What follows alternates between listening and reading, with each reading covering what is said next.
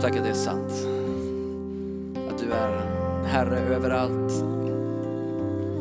Och du älskar att visa det just i stormens öga, mitt i livets kaos. Så stiger du in och är livets Herre och livets furste. Tack Gud att du är på riktigt, att du är där. Att från begynnelsen så skapade du himmel och jord och du svävade över vattnet. När det var tomt, när det var formlöst, när det var mörker, då var du där. Svävade över vårt kaos. Och sen talar du ljus in i vårt mörker och ljus blir till. Och ur ingenting så uppstår liv. Fader i himmelen, genom din son och i den heliga Andes kraft så kommer du med ljus rakt in i det mörker som kanske råder i någon människas liv den här dagen. In i hjärtan, in i situationer, in i relationer. Tack att det finns hopp Herre. Tack att du drar dig inte undan vårt kaos. Du drar dig inte undan vår tomhet och vårt mörker utan du drar dig nära. Heliga Ande, du är nära där. Du svävar över det och väntar på vår inbjudan och så rör du vid oss. Tack att du idag säger till oss att komma till dig för du har du är livets bröd och du har livets bröd. Du har och är det vi behöver. Du är livets källa. Tack att vi får komma och dricka och äta för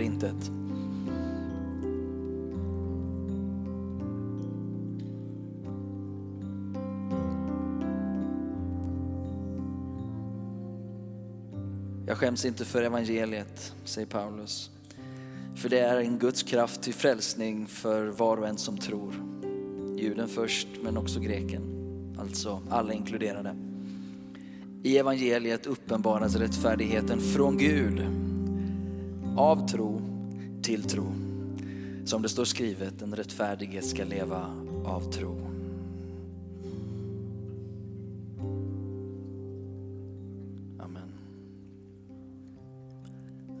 Tack ska ni ha. Och eh, roligt att vara här igen och se er.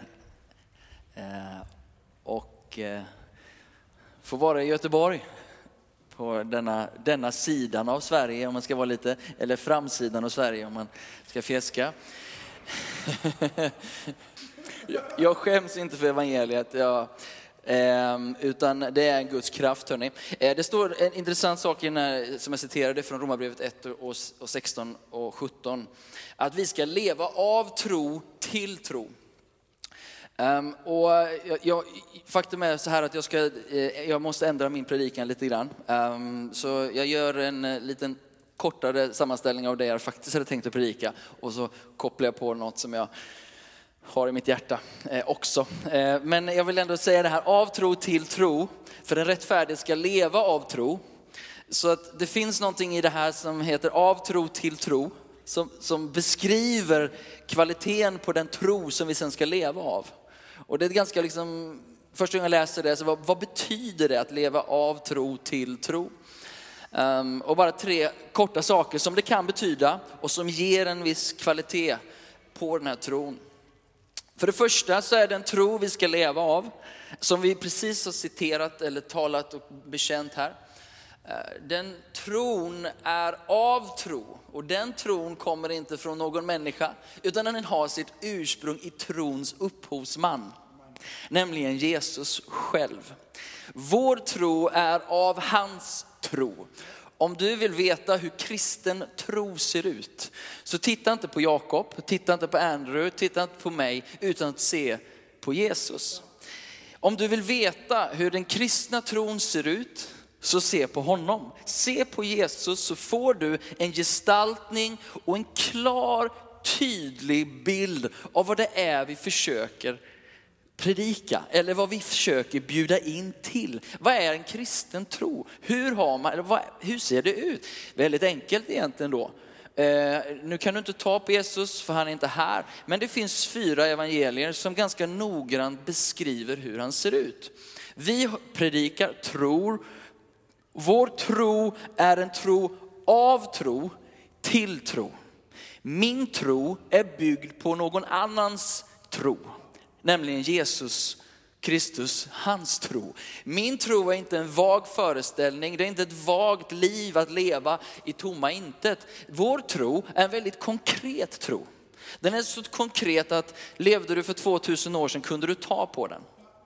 Den är så konkret Eh, så att den, den, den åt, den, den vandrade, den gjorde gott, den älskade, den, den förlät. Den var ett exempel för allt levande, alla människors exempel var i honom. Vår tro är av tro på honom, på hans tro som sen blir våran tro. Så den rättfärdige ska inte leva av en vag allmängiltig tro, utan av Jesu tro. Det var många ord på en gång. Ni var nu det. En brorsa till kom här och... Så, så, men, men det här... Av tro till tro. Så hur ser den kristna tron ut? Om någon frågar dig, om du sitter och funderar på, är det här något för mig egentligen? Så ta dig en funderare på när du ser bilden av Jesus när du tar dig tid att läsa eller någon återberättar eller du tittar på Jesusfilmer eller på vilket sätt du än kan få till dig bilden av Jesus så är det gestaltningen. Där har du bilden av den tro som vi så ivrigt vill dela med, sig, dela med oss av. Och när vi ser tron i hans liv så ger den upphov till tro den ger oss tro. Den, den andas, den tro han har blir oss given. Trons gåva, och det är det andra steget här, det är just att tro är en gåva. Tro är ingenting som vi jobbar oss upp. Efesierbrevet 2 och 8 säger att tron är en gåva. Hela frälsningen är en gåva och den kommer till oss. Och det märkliga är att när vi börjar närma oss Jesus, när vi stiger in i hans sfär eller hans påverkan, hans närhet, hans kärlek, så väcks den här trons gåva till liv. Och vi får nåden, alltså någonting som vi inte kan förtjäna oss, att förlita oss på den tron, att bygga vårt liv på den tron. Så av tro till tro, av hans tro föds tron i mitt liv. Och den tron ser tillbaka på Jesus, på den tro som han gestaltar. Att det han sa, det håller, att hans liv var på riktigt, att han dog, att han uppstod och att det ger mig en visshet om frälsning. Så den här tron som vi ser i Jesus väcker tron i våra liv. Och när vi väljer att lita på det så börjar den kristna vandringen.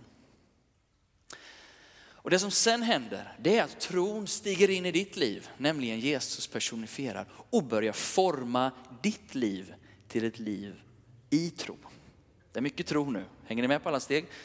Jesus ger en upphov till tro. Ditt hjärta börjar nu andas samma typ av tro och börjar lita på honom. Han och sin tur i ditt liv börjar göra någonting med dig så att du börjar bli honom lik. Så plötsligt så börjar vi se fragment, inte i sin helhet, men fragment av den Jesus som vi läser i evangelierna. Plötsligt så börjar det bli synligt till och med i Jakob. Det, var bara, precis. det kom många stories som flashade i mitt sinne här, men vi ska inte gå in på dem tror jag eh, just nu. Nej, men när, när, Jesus, när, när Jesus väcker tron i Jakob, Jakob väljer att lägga sitt liv i Jesu händer, för det är liksom där tron, det är det tron handlar om, att vi förtröstar, vi litar på, vi lägger oss och lutar oss på Jesus och det som börjar ske nu det är att Jesus själv börjar forma Jakob till att bli honom lik. Och det innebär att fragment av Jesus börjar nu bli synligt i en annan människa. Vad heter du? Robban. Och en annan fragment av Jesus blir synlig i Robban. När han väljer att låta sig påverkas av den Jesus som han möjligen, jag känner inte dig, lutar dig in i tron på Jesus och säger, nej men jag vill inte bara leva i blindo eller i min egen smak och eftersmak, utan jag vill låta hans liv, nämligen Jesu liv, bli min ledsaga, bli min mästare, bli den bild som jag följer. Han blir min mästare, jag blir hans lärjunge. Och den tron börjar forma mig till att bli min mästare lik. Nämligen att Jesus gestalten, Jesus formandet, Jesus bilden börjar nu bli en verklighet i ditt liv. Avtro, tilltro. Och plötsligt så börjar andra människor se Jesus i dig. Och vad som händer då, det är att trons bild i dig väcker tron i andra. Väcker längtan efter den Jesus som du bär på. Den, den, det, det himmelriket som nu är ibland oss, det som bor på insidan och som nu börjar läcka ut. Och så får mm, folk smak på det där. De känner sältan och de känner ljuset. Det är någonting i den här människan som är svårdefinierat, som attraherar mig och det väcker en längtan efter gemenskap med Jesus. Av tro till tro en annan människa i ditt liv blir smittad av den tro som inte har sitt ursprung i dig, utan har sitt ursprung i han som är trons upphovsman och fullkomnare, nämligen Jesus Kristus. Och så händer någonting med miljön runt omkring oss. En liten annan solskenshistoria. Barn, man älskar ju sina barn så mycket. Min, min eh, fina dotter Julie, hon eh, eh, i sin klass har ett, ett annat tvillingpar kompisar och en av de här tjejerna satt jämte Julie och pratade med henne och hon säger ungefär så här. Julie, du, är alltid så snäll. Du, du, du, du, du tar alltid hand om alla och du, hon bara börjar lyfta upp min lilla tjej så här. Och så slutar hon efter en massa ord och bara så här, jag vill också bli en kristen, sa hon. Nio år gammal. Reflekterar över det finns ett, en, en, en snällhet och det finns många snälla barn och vi vet inte om det hade med Jesus att göra. Men den här lilla tjejen kopplar ihop de två. En kristen och en snällhet. Jag vill också ha den snällheten. Det får jag nog genom den där kanalen hon har med Kristus. En liten Kristusbild i en nioårig tjej som väcker en annan nioårig tjejs längtan att också få bli en kristen. Av tro till tro. Så tre delar i den här tron som kommer av tro till tro. Ett, från Jesus till dig. Två, det är att den tron väcker trons gåva i dig och formar dig till en liv i tro, en trosvandring.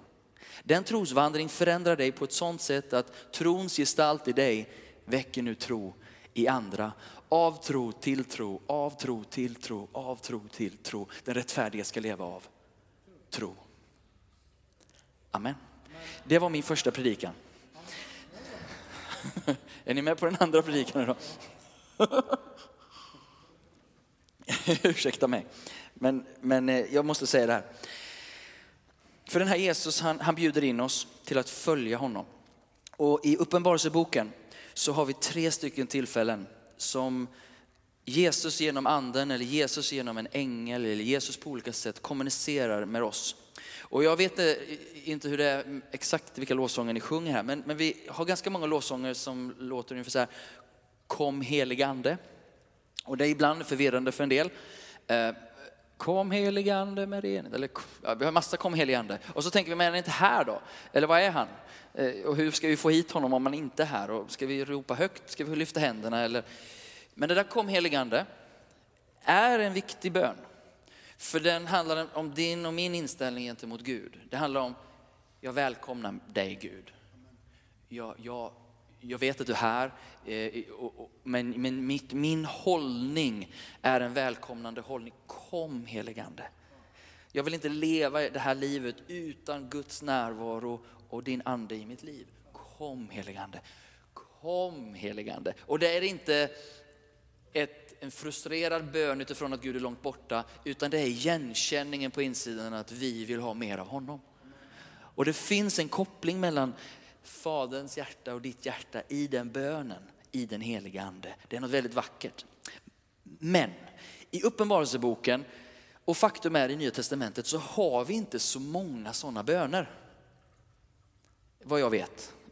Där vi ber där man liksom, kom helig ande. Det finns många böner som säger vi vill ha uppenbarelsens kunskapens ande, men just den formuleringen. Däremot i uppenbarelseboken vid tre tillfällen så står det en väldigt tydlig uppmaning från Guds ande eller från Jesus att han säger kom. Där Jesus formulerar sin, sin uppmaning till oss. Kom. Och vid tre tillfällen i Uppenbarelseboken, om du går dit om du har Bibeln med dig, till eh, kapitel 4, så är det några grejer som han kommunicerar med ett kom. Och det första är i kapitel 4. Och där så står det så här. Och är du lite ny till Bibeln och sådär, så, så är det, Uppenbarelseboken inte den boken du ska börja i. Eh, så. Det finns en, en, en enklare ingång till evangeliet. Men, men det finns eh, hjälp att få. Du kan prata med Jakob och Andrew och Lovisa och andra här sen. Eh, men jag, jag, ska bara illustrera någonting med det här kom. Kapitel 4, vers 1 står så här. Därefter såg jag och se en dörr stå öppen i himlen och rösten som jag först hade hört tala till mig som en basun säger Kom hit upp så ska jag visa dig vad som måste ske efter detta. Och genast så var jag i anden. Det här är en vision, det här är ett profetiskt tal. Det betyder att Gud talar direkt till en situation. Men det här är också i Bibeln, så det har ett budskap till oss idag. Och, och, och budskapet är, kom hit upp. Ta ett steg upp till mig sök mig så ska jag visa dig vad som måste ske. uppenbarligen så, reager, eller så gensvarar profet, alltså Johannes på det här, därför att någonting händer och det genast så kommer han i, i anden. Och det betyder att plötsligt så blir den andliga dimensionen tydlig för honom. Det som annars är dolt för hans ögon blir kristallklart för honom. Och det är på en uppmaning, nämligen kom. Och jag skulle vilja dela med det till er Linnékyrkan, om jag får komma in här och säga det, kom från Jesus. Ta ett steg upp till honom. Sök honom. Låt er föras närmare honom så ska jag visa er vad som måste ske. Och, och, och det här vad som måste ske det här är tyvärr inget positivt just där och då. Och jag tänker mig lite så här, vi lever i en ganska speciell tid. Och det är liksom en del negativa rapporter här och där. Och det, det larmas om krig och det är krig, det, det är jordbävningar och det är allt möjligt, precis som Jesus sa att det skulle vara. Och precis som livet är. Men när det är sådär kaos, kaosaktigt så finns det ett kom ifrån Guds ande, ifrån Jesus. Han säger kom, så ska, kom upp hit så ska jag visa dig vad som måste ske och jag ska ge mitt perspektiv på din situation och på eran stad och på ert land och på den ena presidenten efter den andra. Det finns ett gudomligt perspektiv på det här kaoset. Det finns en, det finns en Gud som sitter på tronen och han är alfa och omega och han har planerat allt från början till slut. Han har ett svar och ett perspektiv på den här röran och det här kaoset. Och får jag säga det här väldigt tydligt, Gud har aldrig dragit sig undan kaos. Han har aldrig dragit sig undan mörker, aldrig dragit sig undan tomhet eller det som är formlöst. Utan redan från början så svävar Guds ande över kaoset. Guds ande är närvarande i ditt och mitt kaos, i din och min storm, i den här stadens storm, i den här nationens storm, i vår världs kaotiska läge, så är Guds ande där. Han har inte övergivit oss. Men han vill ge oss ett perspektiv på den rådande situationen. Han säger kom lite närmre och han använder sig av de här jobbiga situationerna för att vi just ska gensvara. För det är så säkert med dig som med mig, att när det är allt för komfortabelt, allt för nice, allt för soligt, allt för mycket glass. Det är liksom inte så här, men nu går vi in i bön och fasta. Om det nu är den bilden. Eller nu är det liksom, utan det, ofta så gensvarar vi på tydliga behov och trångmål och då söker vi Herrens ansikte. Det behöver inte vara så, men det kan vara så. Hur som helst, det som tror jag Gud vill uppmuntra ner kyrkan och oss alla är att komma upp. Mitt i kaoset så ska jag visa dig hur jag ser på det här, säger Herren. Är ni med så långt? Ehm, vidare sen i kapitel 21 så kommer ett tillkom. Och då, då är det vers 9.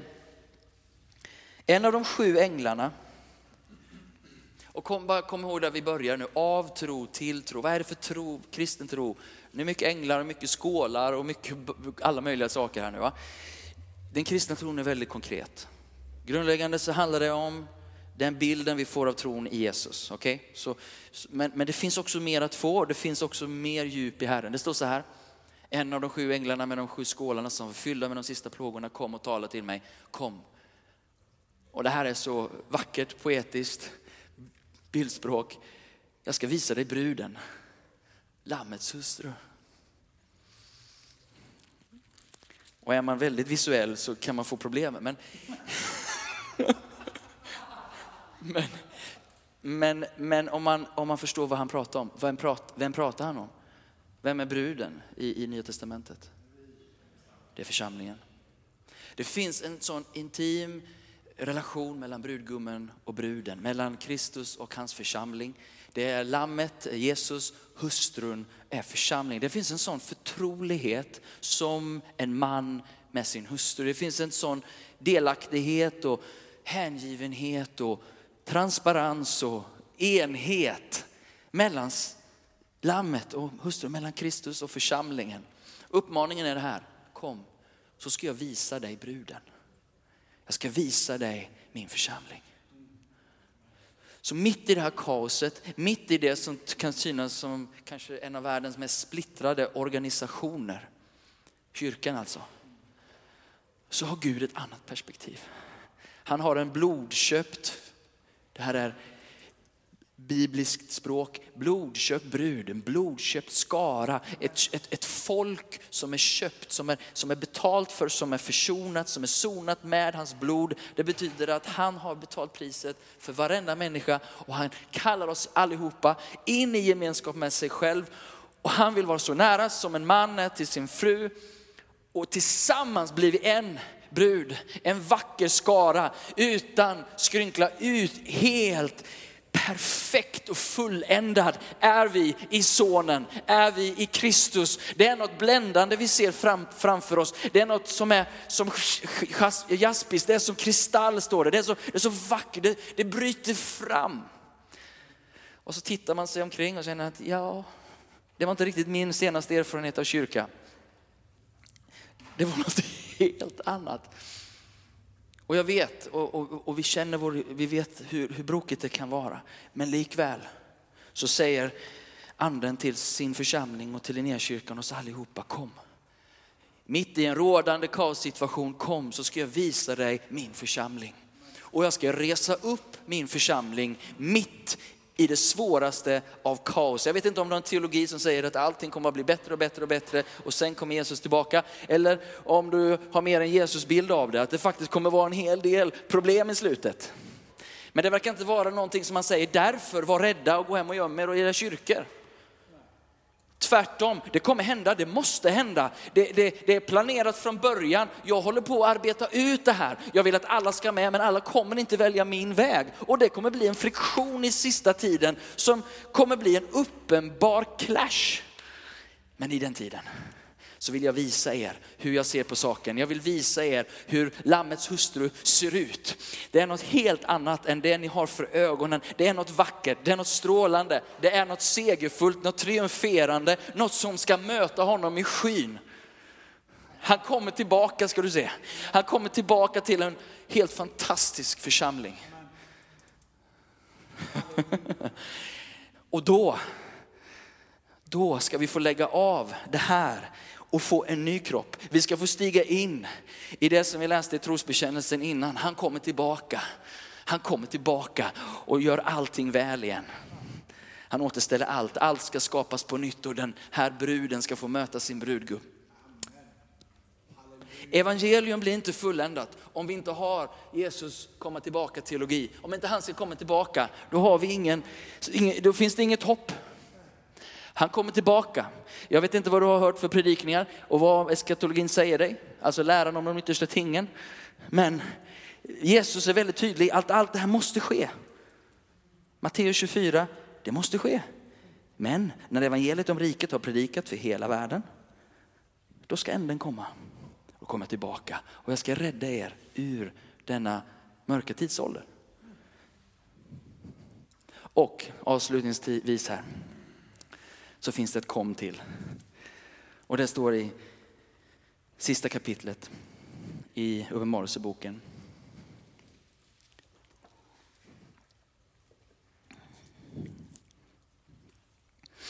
I vers 17. Och det här, det här är så vackert. nu, kommer, nu klampar vi in här. Och anden och bruden säger kom. Och den som hör ska säga kom. Och vem är det det gäller? Jo, den som törstar ska komma. Och den som vill ska fritt få ta emot livets vatten. Anden och bruden. Guds ande som från början i vers 2 i första Mosebok, Gud skapar himmel och jord och sen svävar Guds ande över vattnet. Nu är vi i slutklämmen på alltihopa. Det är några verser kvar i Bibeln. Och så har vi den heliga ande som igen talar till skapelsen, rör vid skapelsen. Och nu har anden och bruden kommit in och sjunger samma kör. De har kommit in i en, i en harmoni, de har liksom jämkat in, va? de har hittat varandra. Och har ett och samma budskap och det är kom. Låt oss gå tillsammans nu. Låt oss stå tillsammans nu. Det är inte en tid när vi ska splittras, det är inte en tid när vi ska hålla oss i den kyrkan och i den kyrkan. Det är inte den tid när vi ska hålla någonting emot varandra. Det är en tid av försoning, det är en tid då vi tar varandras händer, det är en tid när bruden och anden säger samma sak. Kom! Och de som hör, vad är det de säger? De säger kom, var en del av det som nu sker. Och det är öppet för alla törstiga. De kommer och fritt och förintet så dricker vi av detta livets vatten som han har för oss alla människor. Det är en så vacker bild hur vi i slutändan, trots våra olikheter, trots våra svårigheter, våra resor, våra bakgrunder, våra tendenser, vårt kött, you name it. Trots allt detta så har vi denne Jesus som genom församlingen och i anden ropar kom. Nu förenas vi, nu står vi tillsammans inför en och samma Herre och skapare. Fritt och förintet. Kom, jag älskar att vi sjunger våra lovsånger, kom helige ande, för det talar om vårt behov av honom. Men vet också att det finns ett kom ifrån himmelen som samlar oss till honom. Kom till Jesus. Jakob predikade i Citykyrkan förra söndagen. Han sa tro är väldigt enkelt, jag vet inte, det var Thomas, vem är Thomas? Han är inte här, men han sa vår tro är att komma till Jesus. Come to Jesus. Han förenar oss. Han helar oss, han upprättar oss. Han är trons upphovsman och fullkomnare. Det är hans tro vi lever av. Av tro, hans tro till vår tro. Den tron förenar oss kring en och samma Jesus. Kom, Linnéakyrkan. Låt oss stiga upp. Låt oss ta ett steg upp. Låt oss lämna det här nere. För att i tro stiga upp till något högre. Irvin McManus sa något intressant på pingstpastor i januari här. Han sa att tro krävs inte av djuren för att kunna behaga Gud. Djuren behagar Gud by being, by instinct. De bara är. Men människorna är ålagda att behaga Gud genom tro. Varför då? Det är orättvist. Men han har gjort oss i sin avbild. Och det finns en väg för oss att välja här. Och det finns ett gensvar han söker. Att vi genom tro får stiga upp till honom. Och det är genom tro vi kan behaga honom. Att när vi söker honom så är vi också sådana att vi tror att han belönar dem som söker honom. Det finns ett val som vi har. Antingen väljer vi att leva våra kristna liv här nere i, i vår egen osämja och i vår egen oförsonlighet och våra egna små saker. Eller så finns det ett högre liv i tro, av tro till tro, av hans tro. Så får vi behaga honom genom att leva ett liv så som han levde det, i försoning och i kärlek, i förlåtelse, i att um, ta hand om den svage, i att gå den extra milen eller vad den är. Ett liv i tro behagar honom. Ett liv i trons upphovsman behagar honom. Varsågoda.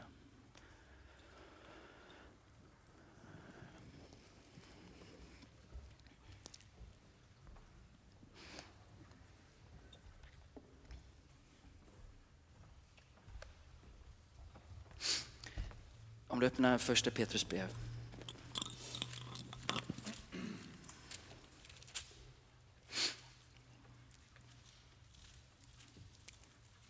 Kapitel 4. Så finns det en uppmaning här. I kapitel 4, vers 7. Vi kanske kan få upp det på skärmarna. Slutet på allting är nära skrev Petrus för 2000 år sedan. Så det är ju mer nära nu än någonsin. Men i en tid när det är nära, då säger han så här, var därför kloka och nyktra. Så att ni kan be. Vad är bön för någonting? Ja, det är ett gensvar på hans kom.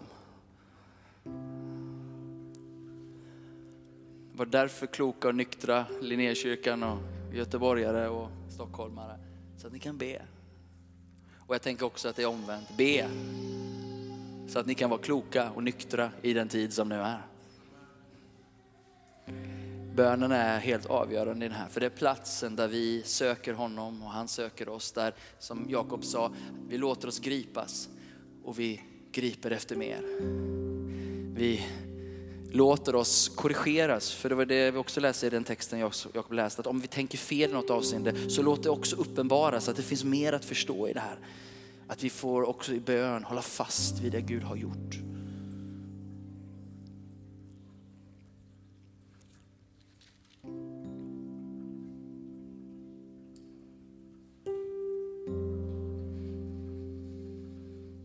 Så det är det vi ska göra nu.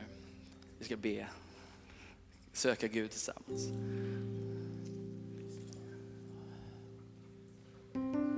Kom. Anden säger kom. Bruden säger kom. Och de som hör det, de kommer. De säger kom också. Låt oss nu komma till honom.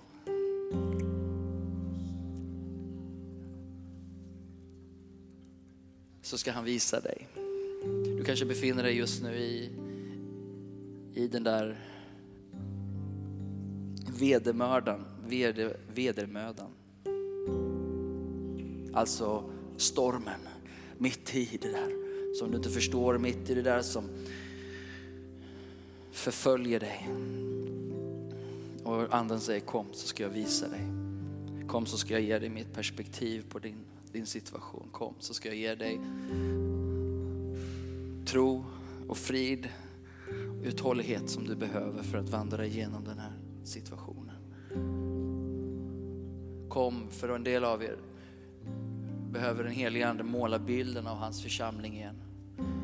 Du kanske har blivit sårad, tilltryckt, sviken och besviken. Men idag så får den helige Ande börja måla en ny bild och säga kom så ska jag visa dig Lammets hustru så som jag ser det, så som jag tänker det, så som jag drömmer det, så som det ska bli. Kom du som är törstig. Törst är ju inte trevligt i sig, men det är en välsignelse när det kommer till andlig hunger och törst. För den driver dig, den för dig till Jesus. Så tack att du bara förökar den andliga törsten och hungern i den här församlingen och på den här platsen, i den här staden. Vi ber Herre att den andliga hungern skulle inte bli missriktad men välriktad in i gemenskap med Jesus, in i gemenskap, in i tro. Herre, jag ber för oss alla att den tro som vi har tagit emot skulle forma oss på ett sådant sätt att doften av himmelriket, doften av Jesus spreds över hela den här staden, på våra arbeten, i våra familjer, i våra släkter.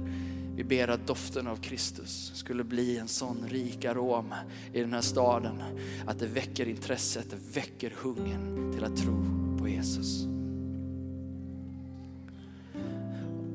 Vi ska bjuda in till förbön strax här. Och, men du får gärna, om du vill, stå upp tillsammans med mig och tillbe Herren och så bjuder Jakob in till, till förbön. Och du som vill ta emot Jesus, du som behöver göra, ta ett beslut idag. Eller vad är den Gud söker? En, men vi tillber tillsammans först.